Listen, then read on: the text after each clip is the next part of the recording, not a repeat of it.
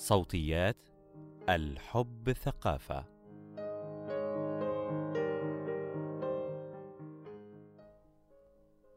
احتضان طفل مسؤولية كبيرة. يحتاج الأبوان أو الأم العزباء التفكير بحرص قبل اتخاذ هذا القرار وتوقع العديد من الصعوبات والتحديات. أبناء القلب وأبناء الرحم. الاحتضان ومشاعر الأمومة. مقال لدكتور رضوى أسامة.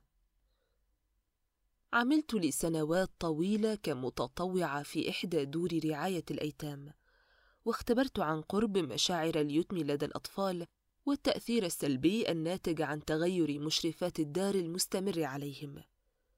لذلك فرحت بشكل طفولي جدا عندما صدرت قوانين الاحتضان الجديدة في مصر. وخاصة التي تسمح للسيدات غير المتزوجات بالاحتضان وخوض تجربة الأمومة دون الاضطرار لعقد زواج لا ترغب فيه لمجرد الإنجاب.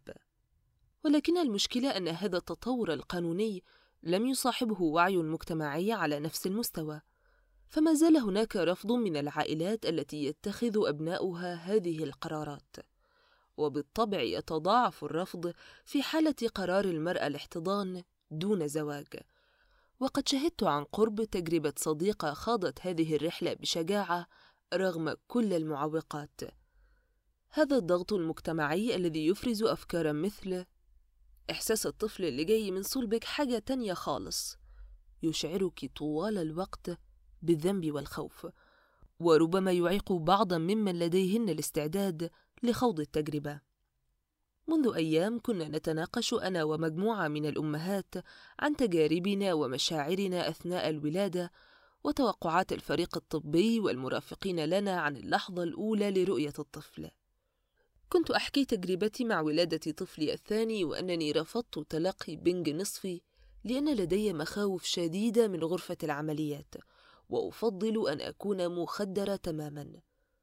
ظل الطبيب يحاول إقناعي بأهمية البنج النصفي وكان من مبرراته أنني سأتمكن من ملامسة طفلي وقت خروجه من رحمي واستغرب بشدة عندما قلت له ببرود سأشاهده في الغرفة بعد قليل لأنه كان من المهم بالنسبة لي أن أكون مرتاحة وغير قلقة أثناء الولادة. أحكي هذه القصة لأؤكد على وجود الأفكار المعلبة لدى البعض عن الأمومة وفكرة تصدير كتالوج يفترض أنه يصف مشاعرنا جميعا. منذ يومين حكت لي صديقة عن أنها احتاجت بعض الوقت لكي تحب طفلها بعد الولادة لأنها انشغلت بالألم الجسدي والتجربة الصعبة للشهور الأولى. هي تشعر بالذنب لأن الحب لم يزرع في قلبها تجاه طفلها بسهولة منذ وجوده في رحمها. وظلت تؤكد لنا أنها تحبه جدا وأنه أهم شخص في حياتها الآن لكنها احتاجت فقط لبعض الوقت لتستطيع تجاوز صعاب الولادة. فإذا كانت الأمهات البيولوجيات يشعرن بتلك الحيرة فالأمهات المحتضنات سيشعرن بالكثير والكثير من المشاعر المؤرقة خاصة عندما يكتشفن أن الأمومة أو الأبوة لدى الرجال صعبة ومجهدة ومعيقة وليست عبارة عن مشاعر إيجابية تلقائية. لذلك يظل التساؤل الأكبر الذي يؤرق الأبوين المحتضنين هو: هل كان قرار الاحتضان سليمًا؟ وهل أصلح لهذا الدور؟ كتالوج الأمومة في الحقيقة كلنا نتعلم من أجل أن نصلح لهذا الدور الجديد بكل تحدياته، سواء كانت الأم منا بيولوجية أو محتضنة. وأكبر ما يعيقنا هو توقعاتنا الشخصية عن الأمومة والأبوة وكتالوجات الآخرين التي يفرضونها علينا. الكثير منا سمع القصة التي حكتها يمنى دحروج مؤسسة مجموعة الاحتضان في مصر على فيسبوك عن الطفلة ذات الثلاث سنوات التي تخلى عنها الأبوان المحتضنان عندما علما بخبر حمل الزوجة التي كانت لا تنجب من قبل. ما إن عرفا بالخبر حتى قررا عودة الطفل المحتضن إلى دار الرعاية بعد ثلاث سنوات من احتضانها الخبر موجع جدا في الحقيقة لكن بعيدا عن الوجع في رأيي أن الزوجين كانا بحاجة إلى مشورة نفسية متخصصة تصحح أفكارهما وتناقشها. واحدة من الأفكار التي يمكن أن تكون متوقعة في مثل هذه الحالات أنني سأظلم الطفلة لأنني بالتأكيد لن أحبها مثل طفلي البيولوجي. وربما يواجه الأبوان في مثل هذه الحالات ضغطًا عائليًا يجعلهما يتسارعان في اتخاذ قرار التخلي عن الطفلة.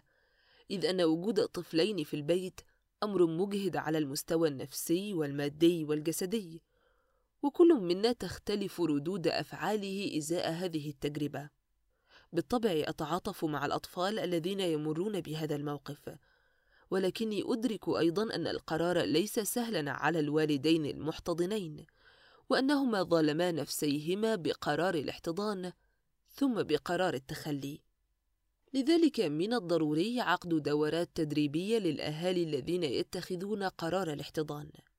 الغرض الأساسي من هذه الدورات تصحيح المفاهيم المتوقعة، ونفي وجود كتالوجات الأمومة السائدة، والتأكيد على الفروق الفردية التي تجعلنا مختلفين في قدراتنا وإمكانياتنا تجاه التعامل مع التحديات الشخصية ومشاعر الذنب التي ستنفجر في وجهنا كثيرا أثناء رحلة التربية.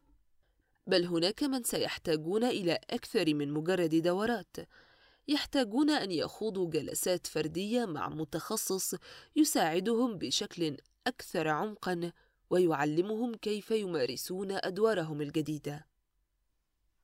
من أجمل الحوارات التي سمعتها في الأمومة تلك القصة التي حكتها صديقتي لطفلاتها المحتضنة عن الاختلافات بين الأبناء. فهناك طفل يخرج من الرحم وطفل مميز آخر يخرج أيضا من الرحم ولكنه يدخل في قلب أم أخرى ليصبح ابن أو ابنة قلبها. من واقع أمومتي وخبرتي كمتخصصة نفسية لسنوات في مجال الطفولة أكاد أجزم أن رحلة الأمومة والأبوة صعبة علينا جميعاً سواء كنا آباء وأمهات بيولوجيين أو حاضنين. وأننا جميعا بحاجة إلى التعلم عن مشاعرنا تجاه أطفالنا.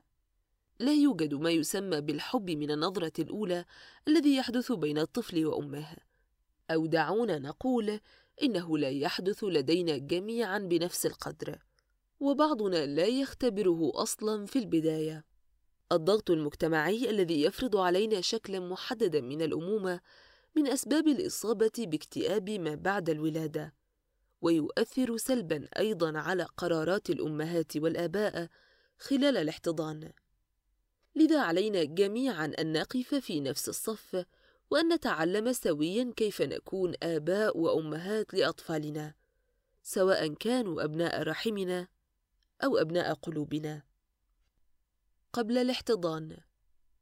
دعونا نلخص خمس خطوات بسيطة ينبغي اتخاذها قبل الإقدام على قرار الاحتضان.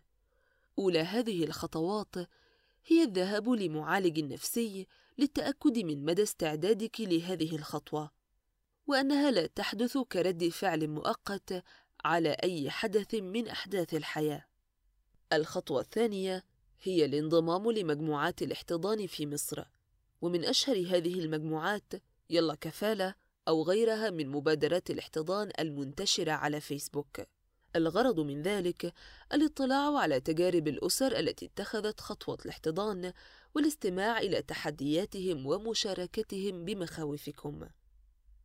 الخطوة الثالثة هي الذهاب لمعالج متخصص في التعامل مع الأطفال ولديه خبرة مع تجارب الاحتضان. سيفيدك المعالج في تحديد المرحلة العمرية التي يمكن فيها مصارحة الطفل بشأن احتضانه، وكيف يمكن إخباره بذلك، والتعامل مع رد فعله أو فعلها.